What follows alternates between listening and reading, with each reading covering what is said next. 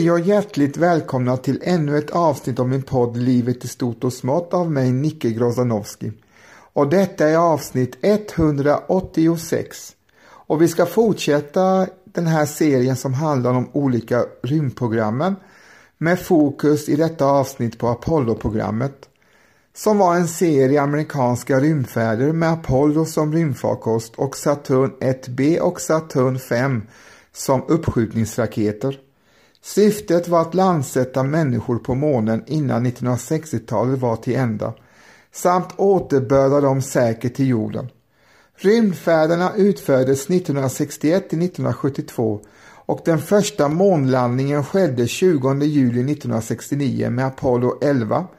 Totalt sju bemannade försök gjordes varav sex var framgångsrika.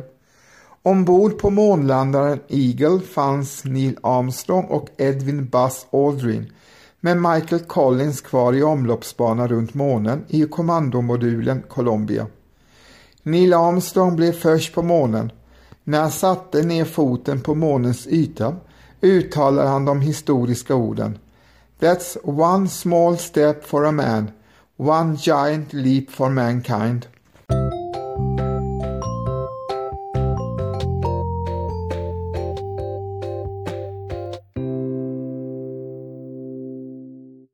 Apollo-programmet var det tredje amerikanska rymdprogram med bemannade färder som startades. Programmet hade som mål att med bemannade färder utforska månen och att skapa förutsättningar för en permanent närvaro genom etablerande av en bas på dess yta. Färderna inleddes efter att eh, förberedande Gemini-programmet lagt grunden för de tekniker som var nödvändiga för att kunna genomföra mänskliga färder till månen. Apollo var från början tänkt som en uppföljning på Merkurieprogrammet med avancerande uppdrag i omloppsbana kring jorden.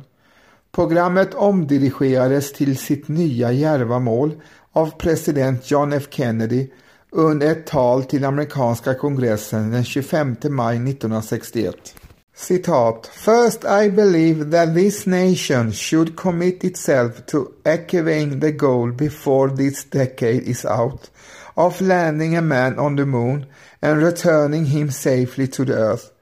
No single space project in this period will be more impressive to mankind or more important in the long-range exploration of space and none will be so difficult or expensive to accomplish. Slutcitat. John F Kennedy den 25 maj 1961. Redan den 27 oktober sköts den första raketen i Apollo-programmet upp. Det var Saturn 1. Denna raket var ingen trestegsraket som Saturn den femte utan bestod enbart av ett undre steg. Inte fullt ett år senare, i ett tal 12 september 1962, yttrade John F Kennedy dessa berömda ord. Citat, We chose to go to the moon, we chose to go to the moon and this decade and do other things, not because they are easy, but because they are hard. Slutcitat. Under 1960-talet eskalerade USA sitt militära engagemang i Vietnam, vilket medförde en ansträngd amerikansk ekonomi. När den första månlandningen genomfördes den 20 juli 1969 stod det klart för alla inblandade i NASAs rymdprogram att det inte skulle bli fler färder än till Apollo 20. År 1970 bestämdes att den sista Saturn 5-raketen skulle användas för att skjuta upp rymdstationen Skylab och därmed skulle Apollo 19 avsluta de bemannade månfärderna. Senare under 1970 bestämdes att de två sista bemannade månlandningarna inte heller skulle genomföras. I Apollo-programmets slutskede bestämdes att USAs bemannade rymdfart skulle genomföras med rymdfärjor i rymdfärjeprogrammet som skulle göra sin första planerade färd 1977. Den första rymdfärjan kunde dock inte skjutas upp förrän i april den 12 1981 på dagen 20 år efter Yuri Gagarins genomförda den första bemannade rymdfärden i mänsklighetens historia. Den teknik som användes för Apollo-programmet användes delvis till rymdfärjeprogrammet. Efter att rymdfärjeprogrammet avslutades år 2011 är det tänkt att man nu återigen ska använda sig av teknikerna som man hade i Apollo-programmet för framtida rymdfärder i USAs bemannade rymdprogram.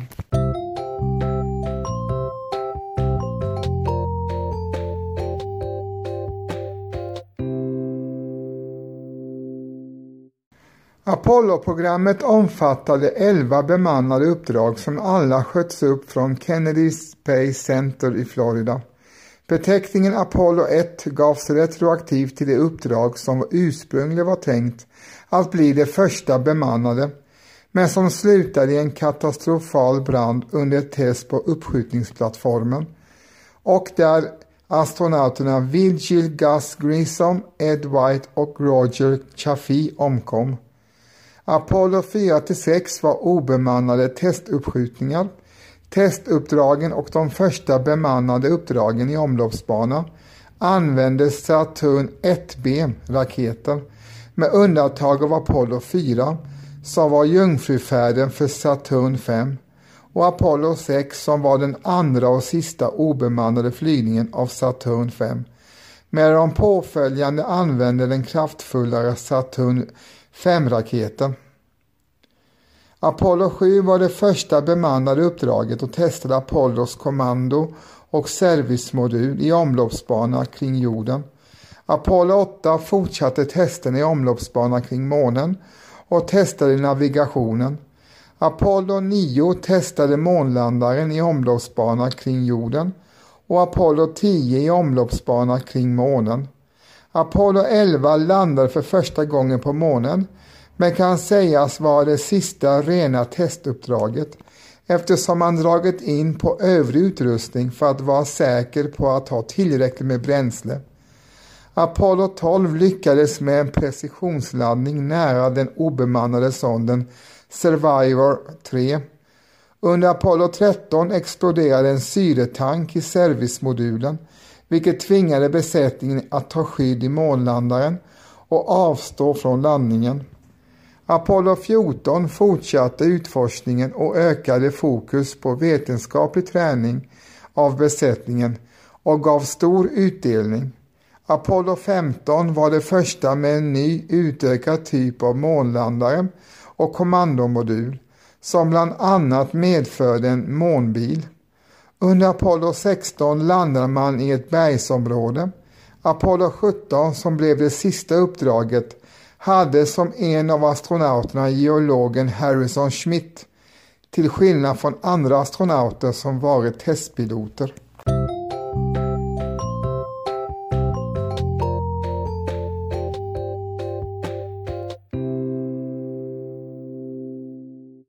Inför uppskjutningarna så stod man inför en logistisk mardröm där man övervägde att frakta delar till Apollo-raketen på båt via Panamakanalen.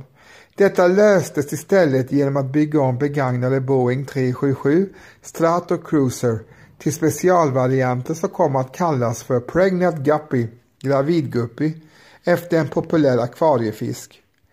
Apollo-programmet omfattade 11 bemannade uppdrag som alla sköts upp från Kennedy Space Center i Florida.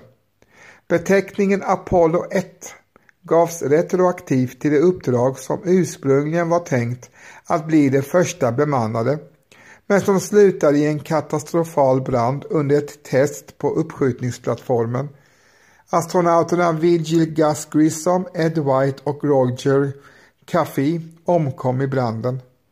Apollo 4-6 var obemannade testuppskjutningar. Testuppdragen och de första bemannade uppdragen i omloppsbana använde Saturn 1B-raketen med undantag av Apollo 4 som var jungfrufärden för Saturn 5 och Apollo 6 som var den andra och sista obemannade flygningen av Saturn 5. Men de påföljande använde den mer kraftfulla Saturn 5-raketen. Apollo 7 var det första bemannade uppdraget och testade Apollos kommando och servicemodul i omloppsbana kring jorden. Apollo 8 fortsatte testerna i omloppsbana kring månen och testade navigationen. Apollo 9 testade månlandaren i omloppsbana kring jorden och Apollo 10 i omloppsbana kring månen. Apollo 11 landade för första gången på månen men kan sägas vara den sista rena testuppdraget eftersom man dragit in på övrig utrustning för att vara säker på att ha tillräckligt med bränsle. Apollo 12 lyckades med en precisionslandning nära den obemannade sonden Survivor 3. Under Apollo 13 exploderade en syretank i servicemodulen vilket tvingade besättningen att ta skydd i månlandaren och avstå från landningen. Apollo 14 fortsatte utforskningen och ökade fokus på vetenskaplig träning av besättningen gav stor utdelning. Apollo 15 var det första med en ny utökad typ av månlandare och kommandomodul som ibland annat medförde en månbil. Under Apollo 16 landade man i ett bergsområde.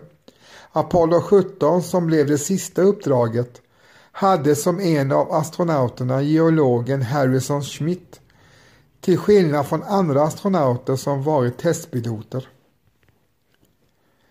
Man hade med sig svenska Hasselbladskameror som man tog bilder med och sedan lämnade kvar själva kamerorna på månen för att kunna få med sig så mycket mångrus tillbaka som möjligt. När astronauterna kom tillbaka till jorden fick de sitta i karantän för att inte smitta ner någon med något eventuellt månvirus. Denna säkerhetsåtgärd övergavs senare när man visste mer om miljön på månen.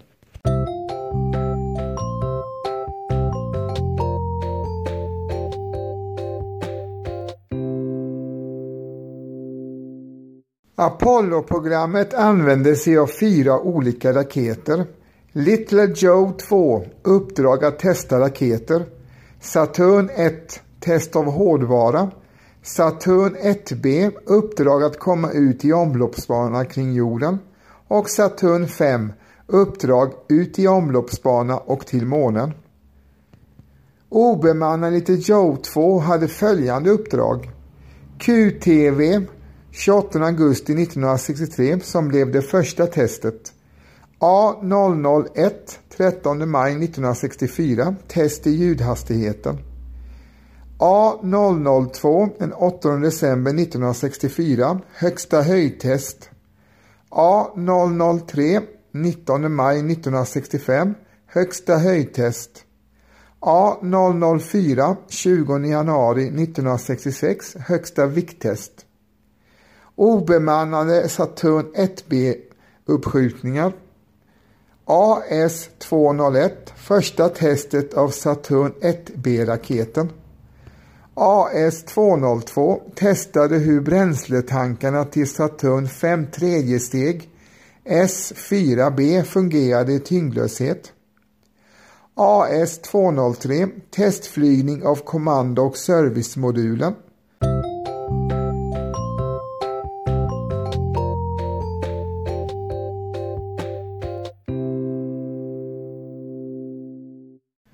Apollo 4 var en obemannad flygning i Apollo-programmet som sköts upp den 9 november 1967 och den första flygningen med Saturn 5-raket, den största raket som någonsin byggts. Det var även den första flygningen från plattform 39A som byggts speciellt med tanke på Saturn 5-raketen. Eftersom det var första flygningen för Saturn 5-raketen och inga individuella komponenttester hade genomförts var detta den första flygningen för alla de tre raketstegen. Denna flygning skulle också ge mycket information för framtida månlandningar. Det var den första gången en Apollo-kapsel skulle återinträda i atmosfären i hastigheter som motsvarade de som kunde förväntas av en kapsel på väg tillbaka från månen. Apollo 4 hade två nyttolaster ombord. CSM 017 var en modell av rymdfarkosten som i framtiden skulle kunna ta astronauter till månen. LTA 10R var en modell av månlandaren använd som ballast. Viktfördelningen var dock identisk med den riktiga landaren. I många dokumentärer om de senare Apollofärderna, speciellt Apollo 11, är det istället foto från Apollo 4 och Apollo 6 som visas.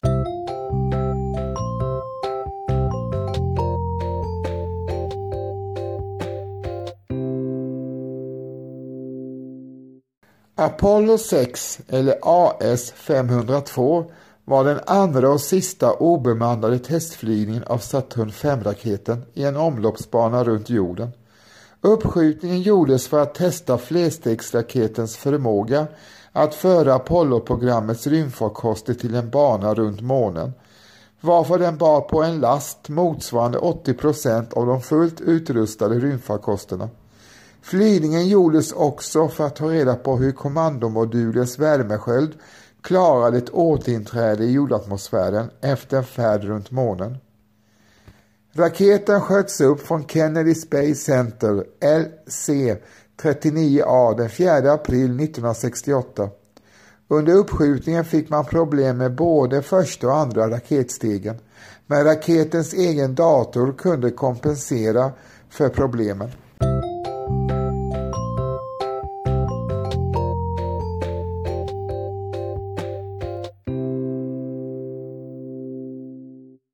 Apollo 1 var kodnamnet på en rymdfarkost i NASAs Apollo-program som skulle skjutas upp den 21 februari 1967. Efter en brand i kommandomodulen vid ett förberedande test den 27 januari 1967 omkom astronauterna Virgil Gus Grissom, Edward H. White och Roger B. Chaffee. Ursprungligen hade rymdfarkosten gått under namnet Apollo Saturn 204 AS 204 men man ändrade namnet till Apollo 1 för att hedra besättningen. Den första varningen om eld kom 1831 då nedräkningen stannade vid T minus 10 minuter, det vill säga 10 minuter före den fingerade uppskjutningen. Till dess hade NASA rapporterat endast smärre svårigheter med utrustning och orsaken till att nedräkningen stannades av var att man ville förbättra kommunikationen mellan markpersonal och rymdfarkost. Trycket i kabinens rena syrgasatmosfär var före branden 1,1 atmosfär, ett värde som var nödvändigt för att på marken upprätthålla den önskade tryckbalansen. Vid en verklig uppskjutning skulle ha minskat till 0,34 atmosfärer.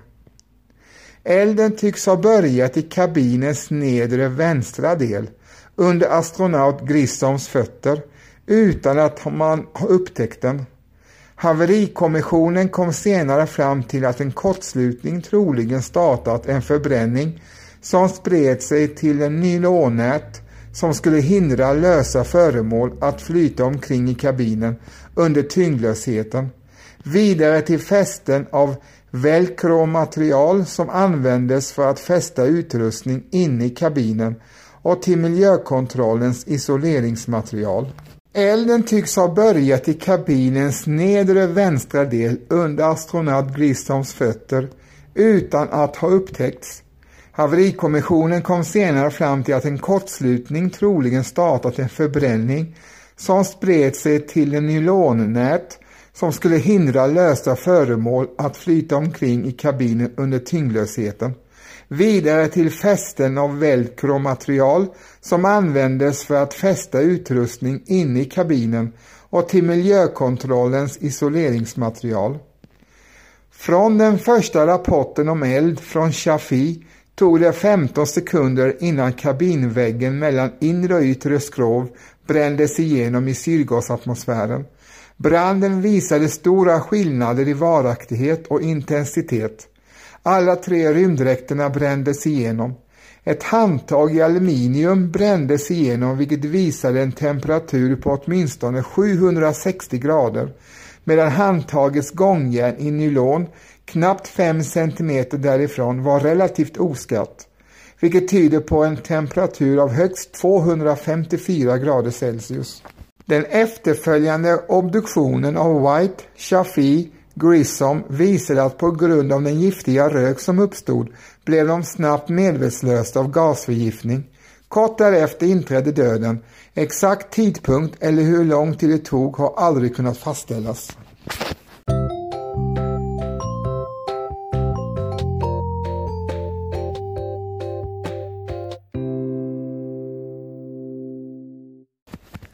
Man kommer aldrig att komma fram till den exakta orsaken till varför branden i Apollo 1 startade.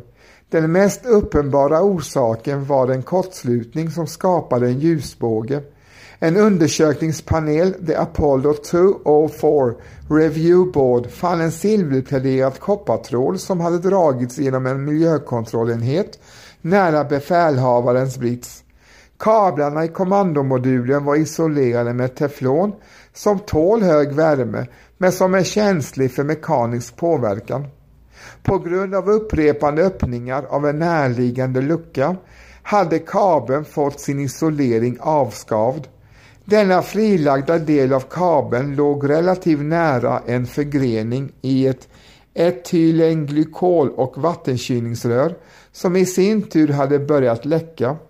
Elektrolysen som uppstod när etylenglykolen nådde den silverpläderade koppartråden skapade en kraftig exotermisk reaktion vilket i den syrerika atmosfären antände vätskan. Det som gjorde att branden fick ett sådant snabbt förlopp var att atmosfären i kapseln bestod av ren syre och att vissa delar av männens rymddräkter och inredningen i kapseln var mycket lättantändliga i en sådan miljö. Eftersom luckan dessutom öppnades inåt och branden skapade ett övertryck i kabinen hade astronauterna inte en chans att öppna den.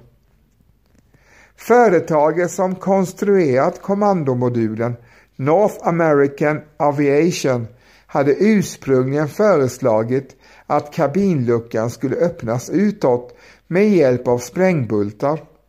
De hade även föreslagit att testgasen skulle innehålla kvävgas för att mer efterlikna jordatmosfären. NASA ansåg att luckan alltför lätt skulle kunna öppnas oavsiktligt, vilket var vad som orsakade Liberty Bell 7, som ironiskt nog kontrollerades av Gus Grissom, att sjunka. NASA ansåg också att för mycket kvävgas skulle kunna vara farligt för astronauterna och att de skulle kunna svimma av syrebrist och sedan dö. Ren syrgas hade även använts utan problem i Mercury och Gemini-programmet. Nu omvärderades konstruktörernas förslag. NASA ansåg också att för mycket kvävgas skulle kunna vara farligt och astronauterna skulle kunna svimma av syrebrist och sedan dö. Ren syrgas hade även använts utan problem i Mercurio och Gemini-programmet. Nu omvärderades konstruktörernas förslag. Som en följd av den tragiska olyckan gav NASA sig själva mycket kritik. Man ändrade förhållandet i White Room så att räddningspersonal och läkare än idag ska finnas närvarande. Det brandfarliga materialet byttes ut, man trycksatte inte längre med rent syre. Manluckan byggdes om med lås som inte krävde verktyg med mera. Detta gjorde att efterkommande Apollofärder till månen blev säkrare utan större incidenter, dock förutom explosionen på Apollo 13. Kommandomodulen förvaras för närvarande i ett speciellt förråd på NASA Langley Research Center i Hampton, Virginia.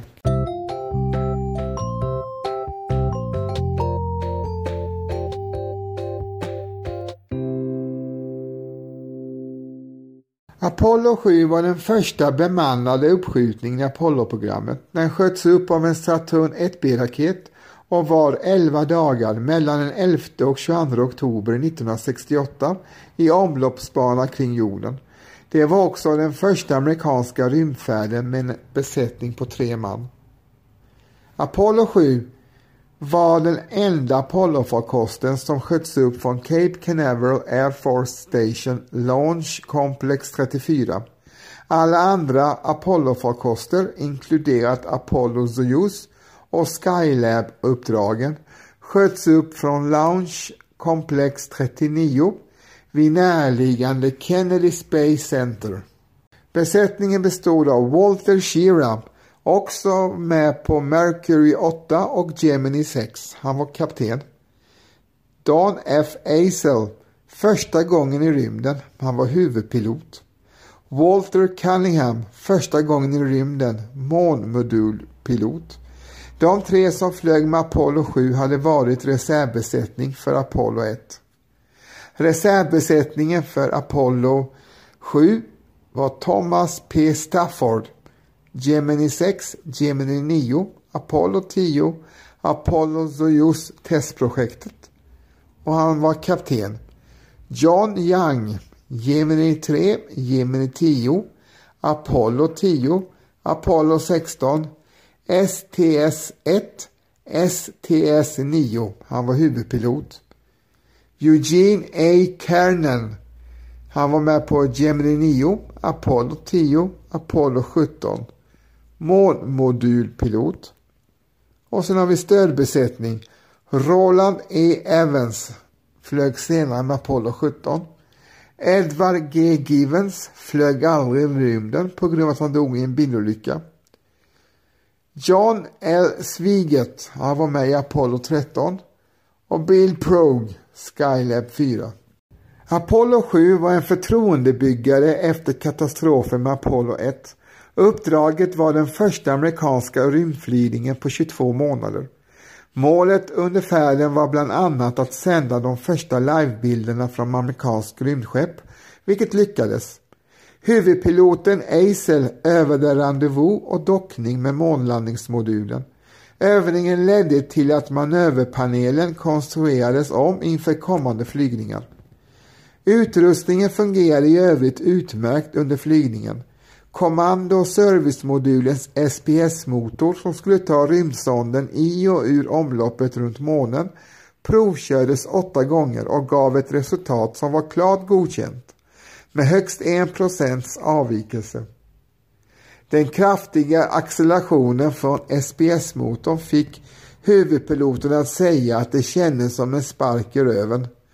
Och Shira utropade på flintamanér ”Jabba dabba doo!”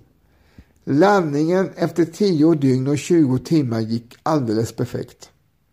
I nästan 30 år var Apollo-modulen lånad till National Museum of Science and Technology of Canada tillsammans med Wally Shiras rymddräkt. År 2003 flyttades den till Stephen F. Udvar AC Center.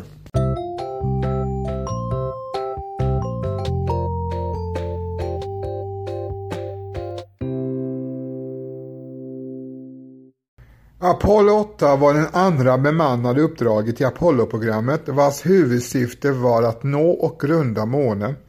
Detta blev första gången någon människa lämnade en omloppsbana runt jorden. Det var också första gången raketen Saturn 5 användes vid en bemannad rymdfärd.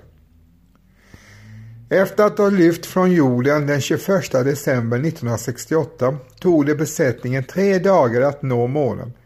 De befann sig i omloppsbana runt månen i 20 timmar. Delar av dessa 20 timmar sammanföll med julafton då besättningen sände tv-bilder tillbaka till jorden. Detta blev vid tillfället den mest sedda tv-sändningen någonsin. Besättningar Frank Borman var befälhavare, Jim Lowell pilot, kommandomodul och William A. Anders pilot månlandare. Reservbesättning Neil Armstrong befälhavare, Buzz Aldrin pilot kommandomodul och Fred V. Hayes pilot månlandare. Stödbesättning John S. Bull, Wens D. Brand, Gerald P. Carr och Thomas K. Mattingly. I juni 1968 ersattes Michael Collins av Lowell då Collins var tvungen att genomgå en operation efter problem med ryggraden. Collins kom senare att bli den man som var kvar i kommandomodulen då Apollo 11 genomförde den första bemannade månlandningen. I september 1967 föreslogs en serie uppdrag som skulle leda fram till en bemannad landning på månen. Uppdraget delades in i sju typer där varje typ hade till syfte att testa olika delsteg som var nödvändiga för att klara av en landning. Varje typ benämndes med en bokstav från A till G. Det beslutades att innan en ny typ av uppdrag påbörjades skulle tidigare typer genomföras med ett lyckat resultat.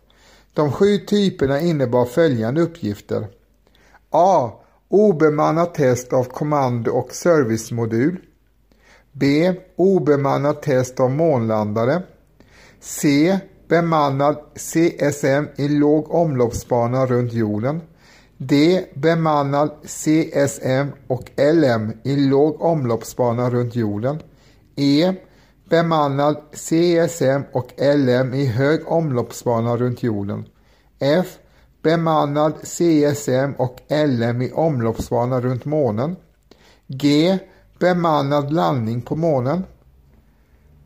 Av de komponenter som krävdes var månlandaren den som skulle bli sist klar. När den första månlandaren levererades i juni 1968 upptäcktes över 100 brister. Tillverkarens bedömning blev att den första månlandaren som skulle kunna användas vid ett D-uppdrag skulle vara klar först i februari 1969, vilket därmed även skulle försena alla andra uppdrag. Då kommando och servicemodulen skulle vara klar tre månader tidigare fanns möjligheten att genomföra ett uppdrag utan månlandare redan i december 1968.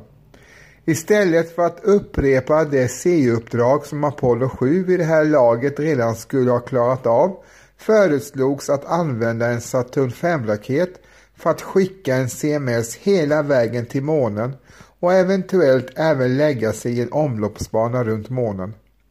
Denna nya typ av uppdrag benämndes C-prim och hade den fördelen att man skulle kunna testa och träna tillvägagångssätt som skulle komma till användning vid en landning på månen, vilket annars skulle behöva vänta till ett kommande F-uppdrag.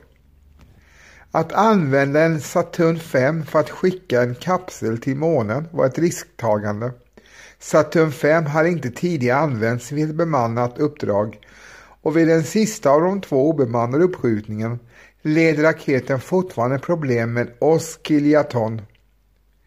Detta problem trodde man sig kunna lösa utan en obemannad ny uppskjutning skulle äga rum. Samtidigt kom det uppgifter från CIA om att Sovjetunionen förberedde sig för en bemannad rymdfärd runt månen. Då man till sist beslutade att genomföra Apollo 8 som ett uppdrag av typ C-prim byttes också besättningen för Apollo 8 och Apollo 9, vilket innebar att besättningen som nu fick Apollo 9 behöll samma typ av uppdrag som först var planerat för Apollo 8. Denna förändring innebar i slutändan att inget EU-uppdrag genomfördes, då de flesta av dess mål redan uppfyllts av Apollo 8 och Apollo 9. Förändringen innebar att man fick förbereda sig för det nya uppdraget på bara fyra månader. Även om alla i besättningen var tränade på alla delar av uppdraget var de specialiserade på olika saker. Förändringen av uppdragets typ innebar också att astronauternas uppgifter förändrades. Borman som var befälhavare blev ansvarig för återinträdet i atmosfären som skilde sig mycket från tidigare uppdrag då man befunnit sig i omloppsbanan runt jorden. Lowell blev ansvarig för att navigera farkosten. Att kunna navigera farkosten var inte bara en utmaning för besättningen. En springande punkt för om man skulle kunna genomföra uppdraget var att hinna skriva datorprogram för att navigera farkosten. Anders fick nu den besynliga titeln som pilot för månlandaren även då detta uppdrag inte skulle användas sig av en sådan. Hans nya uppgift blev nu att ansvara för system för kommunikation och övriga elektriska system ombord.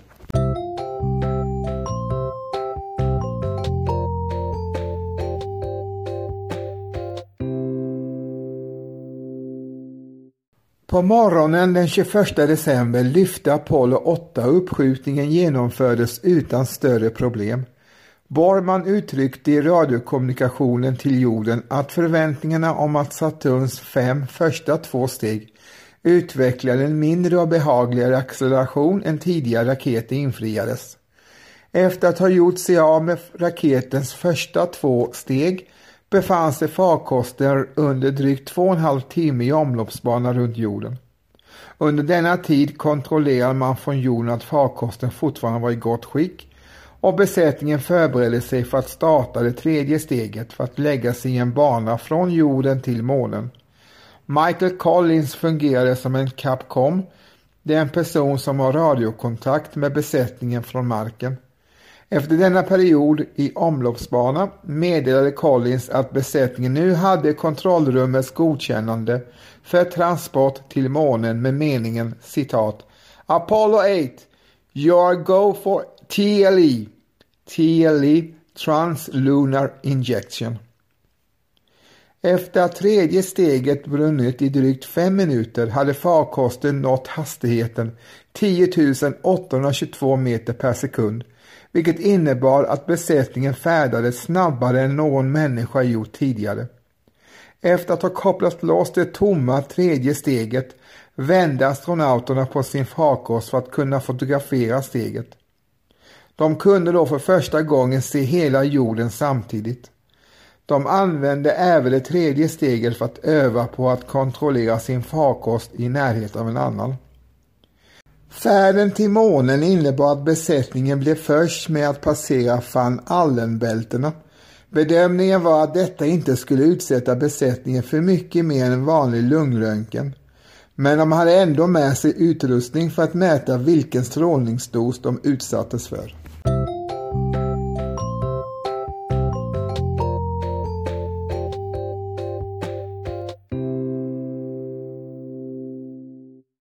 Som pilot för kommandomodulen var Lowell farkostens navigatör. Normalt utförde personal på jorden de beräkningar som behövdes för att navigera farkosten. För besättningen blev det endast nödvändigt i de fall de förlorade markkontakten med jorden. I detta fall använde de en sextant monterad i ett av farkostens fönster för att mäta vinkeln mellan en stjärna och jorden eller månens horisont. Detta visade sig dock vara svårt då överblivet bränsle från tredje steget omgav farkosten och var svår att skilja från riktiga stjärnor. För att skapa en jämn värmefördelning över farkostens olika delar försattes den i ett rotationsläge runt sin egen längdaxel. Utan denna manöver skulle den sida som varit vänd mot solen blivit överhettad och den andra sidan så kall att eh, bränsleledningar riskerade att gå sönder. Efter den första kurskorrigeringen 11 timmar efter start hade besättningen varit vaken i 16 timmar, vilket innebar att eh, Borman nu skulle inleda sin första sovperiod på 7 timmar. NASA hade bestämt att det alltid skulle vara minst en besättningsmedlem vaken för att snabbt kunna ta hand om saker som eventuellt skulle kunna uppstå. Den radiokommunikation som förde gjorde det svårt för Borman att sova och han fick tillstånd att ta en sömntablett. Detta hjälpte dock inte mycket. Att sova i tyngdlöshet kan vara svårt. Anders beskrev senare hur han vaknade med ett ryck och en stor känsla av att han föll. Efter sin sovperiod mådde Borman dåligt och kräktes två gånger och fick diarré. Efter kommunikation med marken beslutades det att det inte var skäl till alltför stor oro då det antingen var influensa eller en reaktion av sömntabletten. En senare bedömning var att det förmodligen var en form av illamående som berodde på tyngdlösheten och som påverkar ungefär en tredjedel av alla astronauter. Detta hade inte uppstått tidigare då de kapslar som används under Mercury och Gemini-programmet var så små att det inte gick att röra sig i dem. På väg mot månen var månen själv inte synlig inifrån farkosten huvudsakligen på grund av hur den var riktad. Däremot genomförde besättningen 55 timmar efter start en 23 minuter lång tv-sändning där man första gången fick se tv-bilder av jorden. Astronauterna beskrev under sändningen vilka delar som var synliga samt sitt intryck av att se jorden på detta avstånd.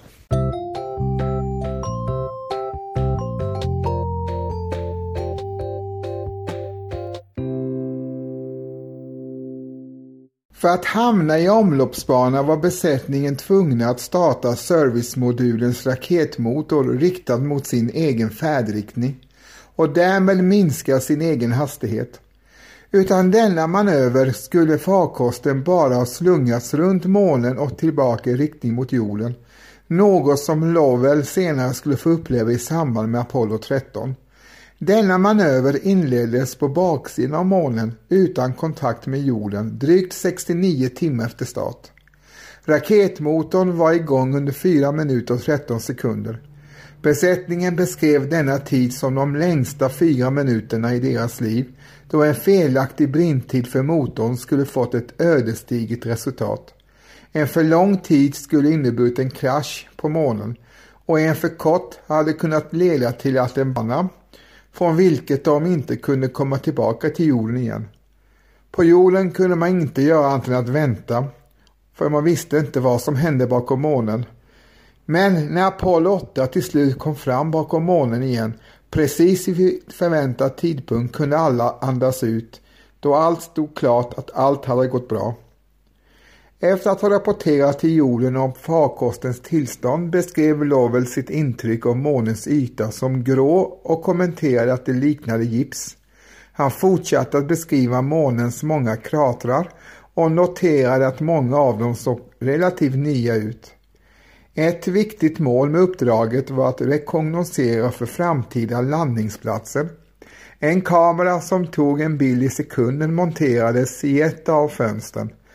Anders ägnade en stor del av de 20 timmarna i omloppsbanan med att fotografera allt av intresse. Vid hemkomsten hade de tagit 700 bilder av månen och 150 av jorden. Den mest berömda har fått namnet jorduppgång. När Apollo 8 för fjärde gången kom fram bakom månen såg besättningen jorden stiga upp över månens horisont och insåg omedelbart att detta var något de borde fånga på film.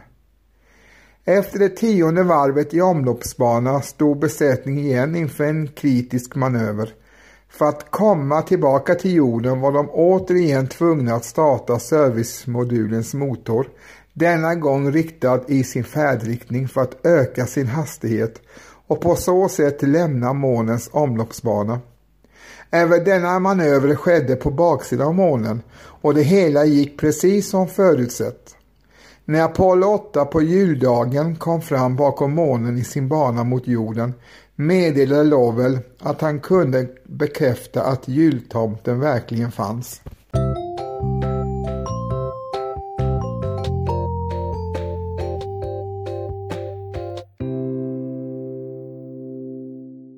På juldagens eftermiddag genomförde besättningen den sista tv-sändningen där de visade sin farkost och hur de bodde i rymden. Efteråt fick de en överraskning från Dake Slayton som sett till att deras matförråd innehöll julmat. Det fanns också tre julklappar från besättningens fruar. Efter två dagar utan oväntade händelser var besättningen redo för återinträde i atmosfären. Detta sköttes av datorn men om något skulle gå fel var Borman beredd att ta över. Sex minuter innan de nådde de översta lagren av atmosfären kunde besättningen som förutsett se månen stiga över jordens horisont. Farkosten saktade ner i atmosfären. Retardationen nådde sitt max på 6G. När kapseln slog ner vattnet drog fallskärmen omkull den så att den hamnade upp och ner i vad som kallas stabil position 2. Detta åtgärdades dock av ballonger vid kapselns topp som luftfylldes och drog kapseln rätt. Time Magazine utsåg alla tre besättningsmedlemmarna till Årets man 1968. Året 1968 innebar oroligheter i stora delar av världen och i USA då både Robert Kennedy och Martin Luther King blivit mördade samtidigt som Vietnamkriget pågick för fullt. Apollo 8 upplevdes naturligtvis för många som något positivt. Uppdragets effekt kan beskrivas med ett telegram som Borman fick efter att han kommit hem, vilket löd Thank you Apollo 8, you saved 1968. Tack Apollo 8, ni räddade 1968. En av uppdragets mest uppmärksammade delar blev den bild av jorden som stiger över månens horisont. Även om det fanns tidigare bilder på jorden var detta första gången en människa haft möjlighet att ta en sådan bild. Apollo 8 fick av naturliga skäl mer uppmärksamhet från media än de flesta tidigare uppdrag. Det uppskattades att en fjärdedel av alla människor såg den tv-sändning som gjordes från omloppsbanan runt månen på julafton. I tv-sändningen läste besättningen från Bibeln och detta ledde till att ateisten Madeleine Murray O'Hare stämde NASA med syfte att få domstol att förbjuda att statsanställda astronauter ägnade sig åt offentlig bön. Denna begäran nekades men det ledde till att NASA antog en mer restriktiv hållning i frågan.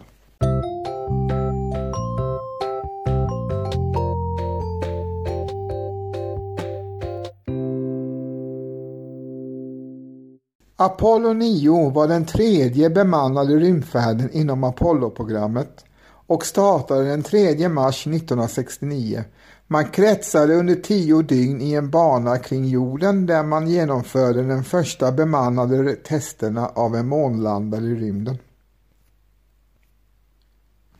Besättningen bestod av James A. McDivitt, han var befälhavare, David R. Scott, pilot för kommandomodulen och Russell L. Schwickenart, pilot för månlandaren.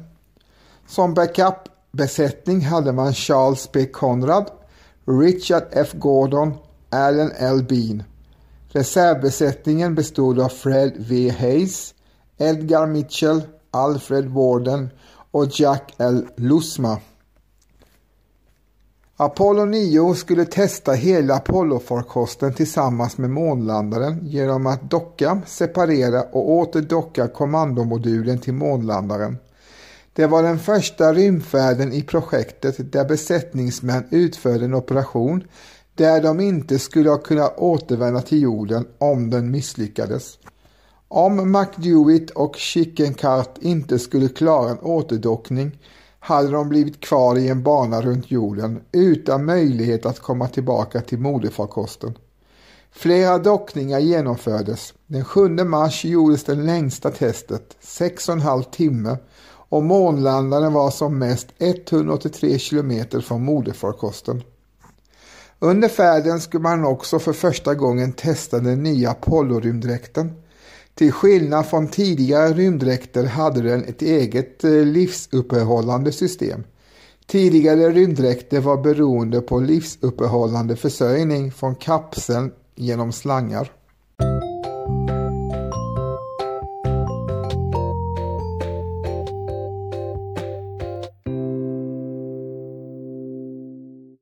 Apollo 10 var det fjärde bemannade och det tionde uppdraget i Apollo-programmet. Uppdraget hade som mål att testa månlandarens olika system i omloppsbana runt månen och månlandarens landningsmodul som sista provet inför det slutliga målet att landsätta en människa på månen med Apollo 11.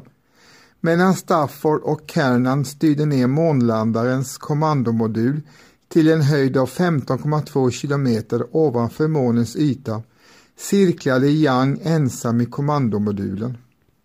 För att försäkra sig om att astronauterna inte skulle bestämma sig för att landa på månen hade man inte tankat uppskjutningssteget på månlandaren fullt. Det hade visserligen gått att landa på månen men det hade inte varit möjligt att lyfta och återvända till kommandomodulen. Besättningen bestod av Thomas P. Stafford, han var befälhavare, John V. Young, pilot på kommandomodulen och Eugene A. Kernan, han var pilot på månlandaren. Under hemresan som tog 53 timmar sattes hastighetsrekord för bemannad farkost i rymden med 39 897 km i timmen. Farten när man lämnade månen var 6 634 km i timmen men sjönk sedan på grund av månens dragningskraft till cirka 5 230 km i timmen. Därefter ökade farten på grund av jordens dragningskraft till max strax efter att man nådde atmosfären som bromsade in kapseln.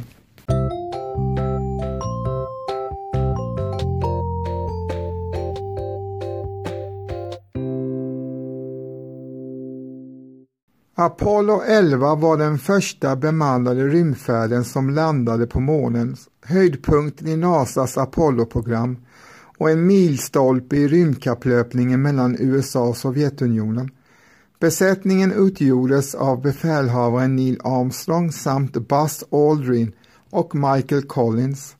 Apollo 11 sköts upp 16 juli 1969. Armstrong och Aldrin genomförde den första bemannade landningen på månen den 20 juli och besättningen återvände till jorden den 24 juli.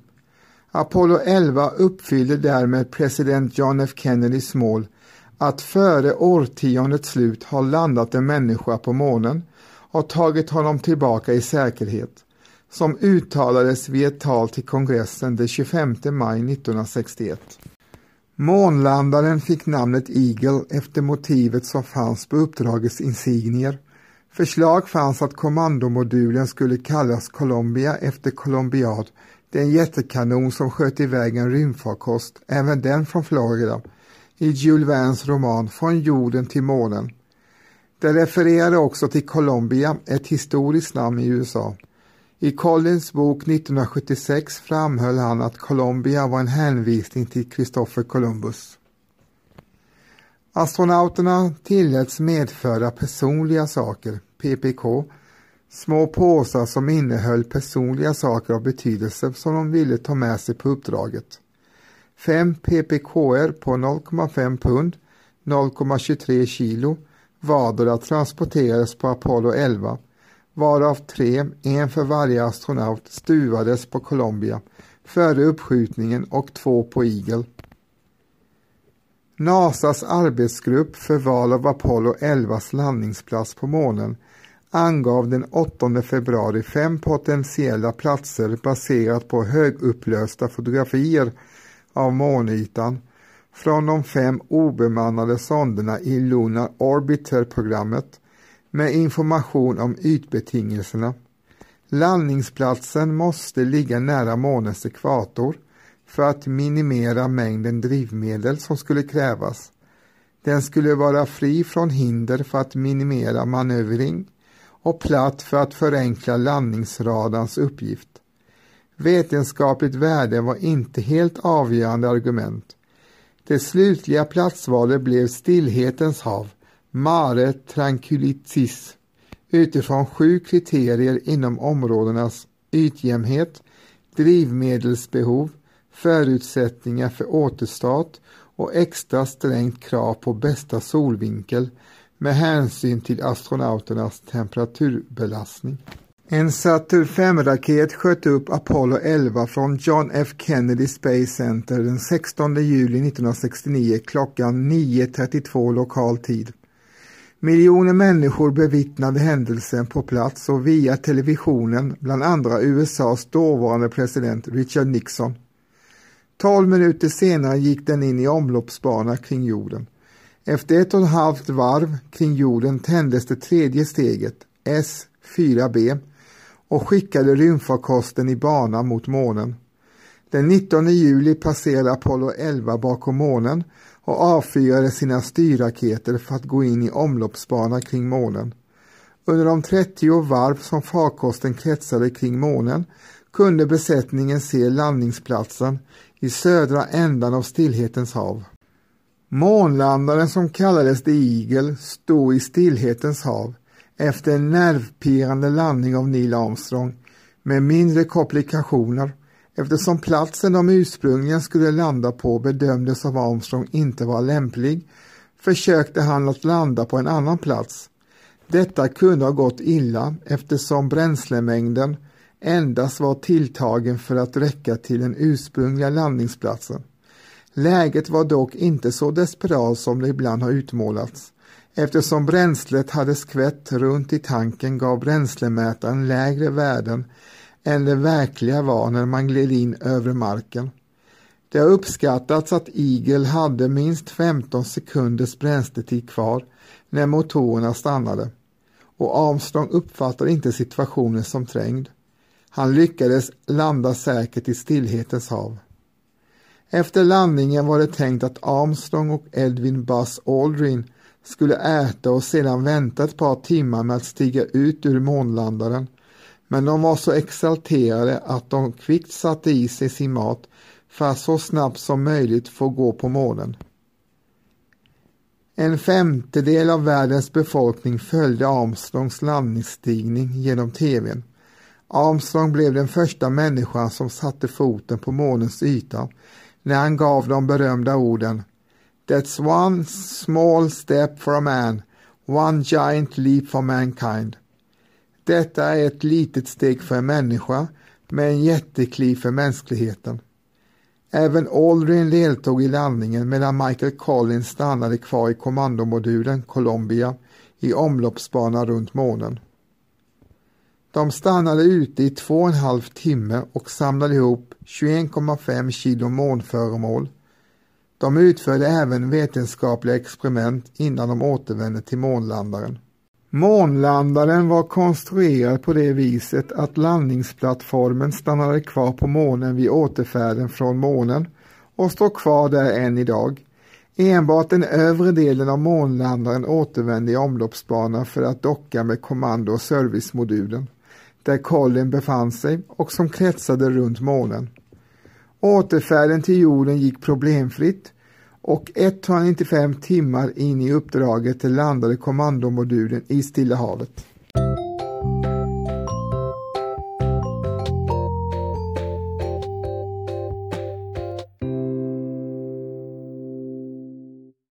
Apollo 12 var det sjätte bemannade och det tolfte delprojektet i Apollo-programmet. Apollo 12 var den andra bemannade rymdskeppet som landade på månen efter det berömda uppdraget i Apollo 11. Farkosten sköts upp med Saturn 5-raket från Kennedy Space Center den 14 november 1969. Charles Conrad och Alan Bean landade på månen den 19 november 1969. Efter att ha tillbringat nära 18 timmar på månen påbörjade man resan tillbaka till jorden. Den 24 november 1969 landade man i Stilla havet. Apollo 12 hade som uppdrag att återföra vissa delar från Survivor 3, en obemannad rymdsond som landat på månen i april 1967 och man ville därför se hur månens omgivning hade påverkat månsonden. Dessutom tog man med sig 34 kilo molnmaterial. Charles P. Conrad var befälhavare, Richard F. Gordon pilot på kommandomodulen och Allen L. Bean pilot på månlandaren.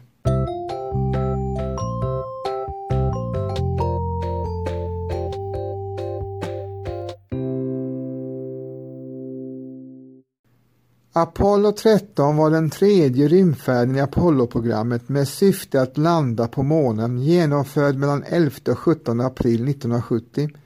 55 timmar och 55 minuter in i uppdraget exploderade syretank nummer två i servicemodulen. Planerna på en månlandning avbröts och det primära målet blev istället att få besättningen levande tillbaka till jorden. Något man också lyckades med. Några dagar före start fick ordinarie besättningsmannen Ken Mattingly ersättas av Jack Svigat då Ken hade blivit utsatt för röda hundsmitta av en medlem i reservbesättningen som själv inte hade antikroppar. Starten fungerade först normalt men efter några minuter slocknade en av de fem huvudmotorerna i andra steget på Saturnraketen. För att komma till rätt bana runt jorden lät man de fyra kvarvarande motorerna brinna 34 sekunder längre. Efter detta missöde infann sig bara mindre incidenter som normalt kunde uppträda de närmaste två dagarna. Markkontrollen i Houston rapporterade att allt såg bra ut och att de nästan var så uttråkade att de grät. Orden om att de skulle vara uttråkade yttrades inte på lång tid efter det. Den 13 april, 55 timmar och 55 minuter in i uppdraget och 9 minuter efter en direktsänd 49 minuters tv-sändning från Apollo 13 fick besättningen order om att starta värmefläktarna i syretankarna. Åtgärden var nödvändig för att förhindra det flytande syret för att klumpa ihop sig. I samband med denna åtgärd exploderade syretank nummer två. Följande samtal utspelade sig mellan Apollo 13 och Jack Losma vid markkontrollen. Okej okay, Houston, we have had a problem here. This is Houston. Say again please. Houston, we have had a problem. We have had a main B-bus undervolt. Senare har Houston We have had a problem felaktigt citerats som Houston We have a problem. På grund av explosionen försvann allt syre från syretank nummer två och Apollo 13 började läcka ut syre i rymden från en syretank nummer ett. Även bränslecellerna i servicemodulen som levererar elkraft skadades. Allt detta ledde till att man fick stänga av så många system som möjligt för att ha energi kvar till datorer och styrsystem. En timme efter explosionen tog markkontrollen ett beslut om att besättningen skulle använda månlandaren som fortfarande var intakt som ett slags tillfällig flyktkapsel och vistas där i så mycket som möjligt tills man kom till återinträdet i jordatmosfären. Där fanns syre nog för resten av resan så att det som fanns kvar i servicemodulen kunde användas till de skadade bränslecellerna inför landningen. Energiförlusten gjorde även att det blev väldigt kallt både i månlandaren och i kommandomodulen. För att komma tillbaka till jorden man väl rundat månen krävdes en start av raketmotorn för att få rätt bana in i jordens gravitation. Eftersom explosionen skedde i den modul som ordinarie raketmotor satt i vågade man inte starta denna. Istället använde man en manuell metod där man startade månlandarens motor och styrde genom att optiskt fixera solen genom fönstret på månlandaren. För en så pass allvarlig händelse och olycka fanns inga färdiga instruktioner utan man fick verkligen improvisera. På NASA jobbade flygledaren Gene Kranz och många andra dag och natt med att hitta lösningar för att få hem astronauterna. En av de mest spektakulära lösningarna blev en adapter för att kunna få kommandomodulens fyrkantiga koldioxidfilter att passa i månlandarens runda filterhållare. Man använde sig av tejp och delar från utrustning som fanns ombord. När det återstod drygt fyra timmar innan återinträdet i jordens atmosfär skulle äga rum så kopplade man bort den skadade servicemodulen och det var första gången man även kunde se vilka skador som uppstått. Två timmar senare kopplades även månlandaren loss från kabindelen. Något som också oroade många var om den så kallade värmeskölden som skulle skydda farkosten vid återinträdet i jordens atmosfär hade klarat sig från skador vid explosionen. Om den vore skadad skulle skeppet smälta vid återinträdet i atmosfären och astronauterna skulle gå en säker död till mötes. Den 17 april 1970 landade kommandomodulen i Stilla havet med alla tre besättningsmedlemmarna vid liv. De plockades upp ur havet av hangarfartyget USS Iwo Jima. Uppdraget Apollo 13 har kallats ett lyckat misslyckande och besättningen är fortfarande de människor som befunnit sig längst ifrån jorden någonsin. Utredningen om olyckan visade på en orsak som var mest trolig. 1965 moderniserades kommandomodulen för Apollo-programmet. De värmefläktar som fanns i tankarna byggdes om från 28 volt till 65 volt, men inte själva överhettningstermostaterna. Termostatskontakterna var normalt slutna och skadades inte för de skulle bryta strömmen. 27 mars, ungefär två veckor innan starten med Apollo 13, tömdes syretankarna men tank nummer två kunde bara tömmas till viss del. Därför kördes värmefläkten i tanken konstant i åtta timmar för att koka ur den. Det resulterade i att termostatskontakterna brändes ihop och kabelisoleringen brändes bort. Man vet dock inte säkert. Strax före start fylldes tankarna med syre igen och enligt utredningen var då tank 2 lika med en syrefylld bomb där en kortslutningsgnista tände på resterande kabelisolering i den rena syremiljön. Besättningen bestod av befälhavare James Jim Arthur Lowell Jr. Pilot för månlandaren var Fred V. Heiss och pilot för kommandomodulen John L. Sviget.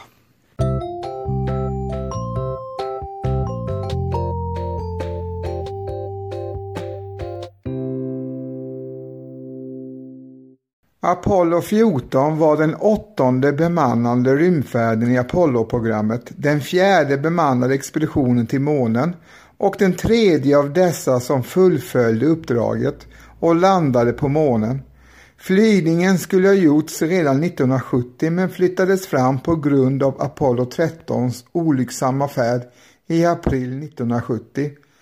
Man landade i Fra Mauro-kratern man skulle ursprungligen ha landat i Litrovkratern, men då Apollo 13 inte kunde landa på månen övertog Apollo 14 Apollo 13s landningsplats. Besättningen utgjordes av Alan Shepard, befälhavare, Edgar D. Mitchell, han var månlandspilot, och Stuart A. Rossa, kommandomodulpilot.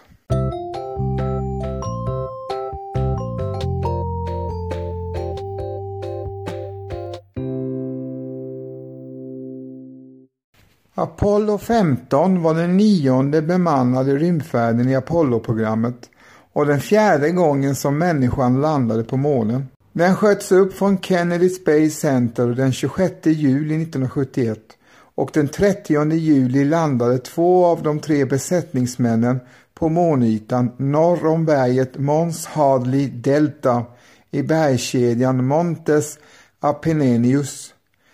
Befälhavare David Scott och månlandarens pilot James B. Irvin stannade sammanlagt tre dagar på månen, därav 18,5 timme utanför modulen.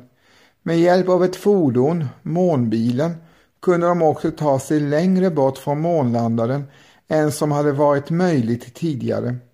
Sammanlagt samlade de ihop 77 kilo sten och sand. På den andra turen hittades vid foten av Mons Hadley den så kallade Genesis Rock, en sten som har uppskattats vara 4 miljarder år gammal. Medan Scott och Irving befann sig på månens yta stannade Alfred Warden kvar i kommandomodulen Endeavour och använde diverse instrument, bland annat en spektrometer, för att ta reda på mer om månen. Till skillnad från de tidiga uppdrag lades större vikt vid vetenskaplig forskning än som hade varit fallet tidigare. Då hade man varit tvungen att koncentrera sig på att få färden till månen, månlandningen och återresan hem till jorden att fungera tekniskt. De tre återvände till jorden den 7 augusti. Under Gemini-programmet började NASA spela musik för besättningar och sedan Apollo 15 har man varje morgon väckt besättningen med ett särskilt musikstycke, särskilt utvalt antingen för en enskild astronaut eller för de förhållanden som råder.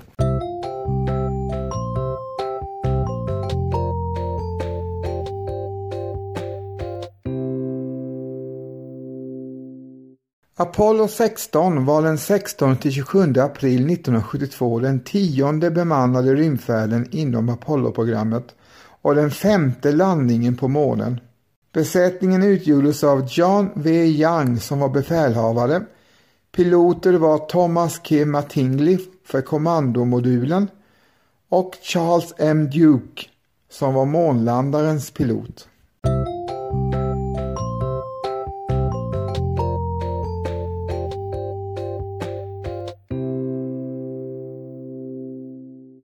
Apollo 17 var i december 1972 den elfte bemannade uppskjutningen i NASAs Apollo-program och var den sjätte och senaste månlandningen.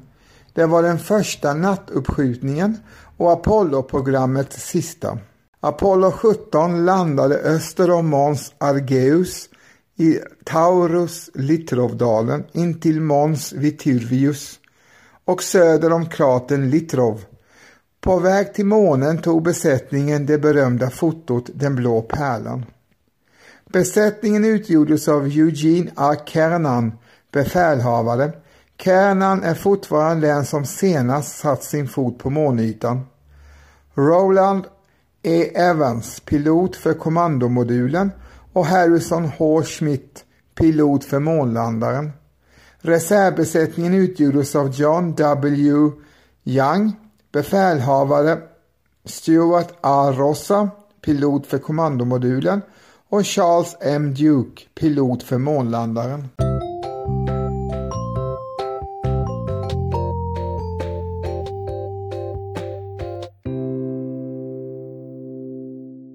Ja, detta var ett omfattande avsnitt om Apollo-programmet som NASA genomförde på 60-talet fram till 1972 och som ledde fram till att Neil Armstrong för första gången i mänsklighetens historia satte en fot på månens yta.